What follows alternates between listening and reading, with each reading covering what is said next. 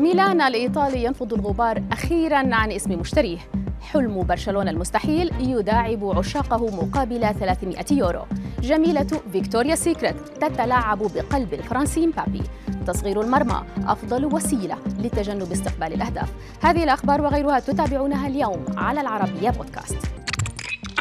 في تجربة فريدة من نوعها أعلن برشلونة الإسباني عن افتتاحه ملعب الكامب نو للمشجعين الراغبين في خوض مباريات عليها مع أصدقائهم يومي السادس والحادي عشر من الشهر الجاري. وبحسب النادي الكتالوني فإن قيمة تذكرة المشجع الواحد تبلغ 300 يورو وتشمل لعب مباراة واحدة لمدة 60 دقيقة بجانب جولة في متحف النادي. ويحظى الفرد في هذه التجربة أيضا بامتيازات عديدة مثل استخدام غرفة ملابس ملابس اللاعبين والإحماء مدة 15 دقيقة قبل مباراته المرتقبة.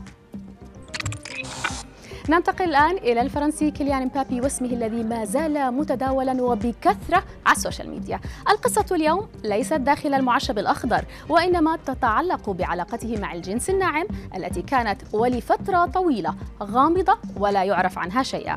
اليوم انتشرت أنباء صحفية تؤكد علاقة لاعب باريس سان جيرمان الفرنسي بعارضة الأزياء الشهيرة ستيلا ماكسويل وبحسب صحيفة ماركا الإسبانية فإن الشرارة انطلقت من رحلة بحرية أقيمت على هامش مهرجان كان وتكرر وجودهما معا في عدة مواقف وهو أمر دفع وسائل الإعلام للتكهن بارتباط الدولي الفرنسي مع عارضة أزياء فيكتوريا سيكريت الشهيرة.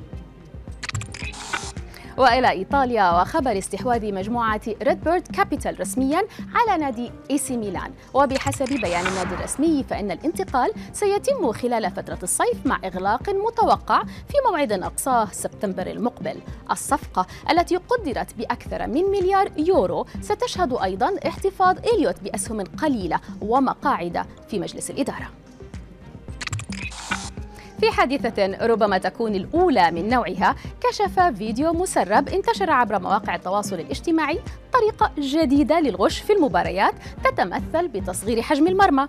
صحيفة نرويجية كشفت اليوم عن اتهام الآيسلندي باتريك جونرسون حارس نادي فايكنج النرويجي بتقليص حجم مرمى 15 سنتيمتر عبر تضييق المسافة بين القائمين باستخدام حيلة رفع العارضة بيده ووضعها في مكان أقرب للأخرى والقيام بنفس الفعل مع العارضة العكسية. وأوضحت الصحيفة أن حيلة الحارس يتم استخدامها فقط في المباريات التي تلعب على أرض فريقه.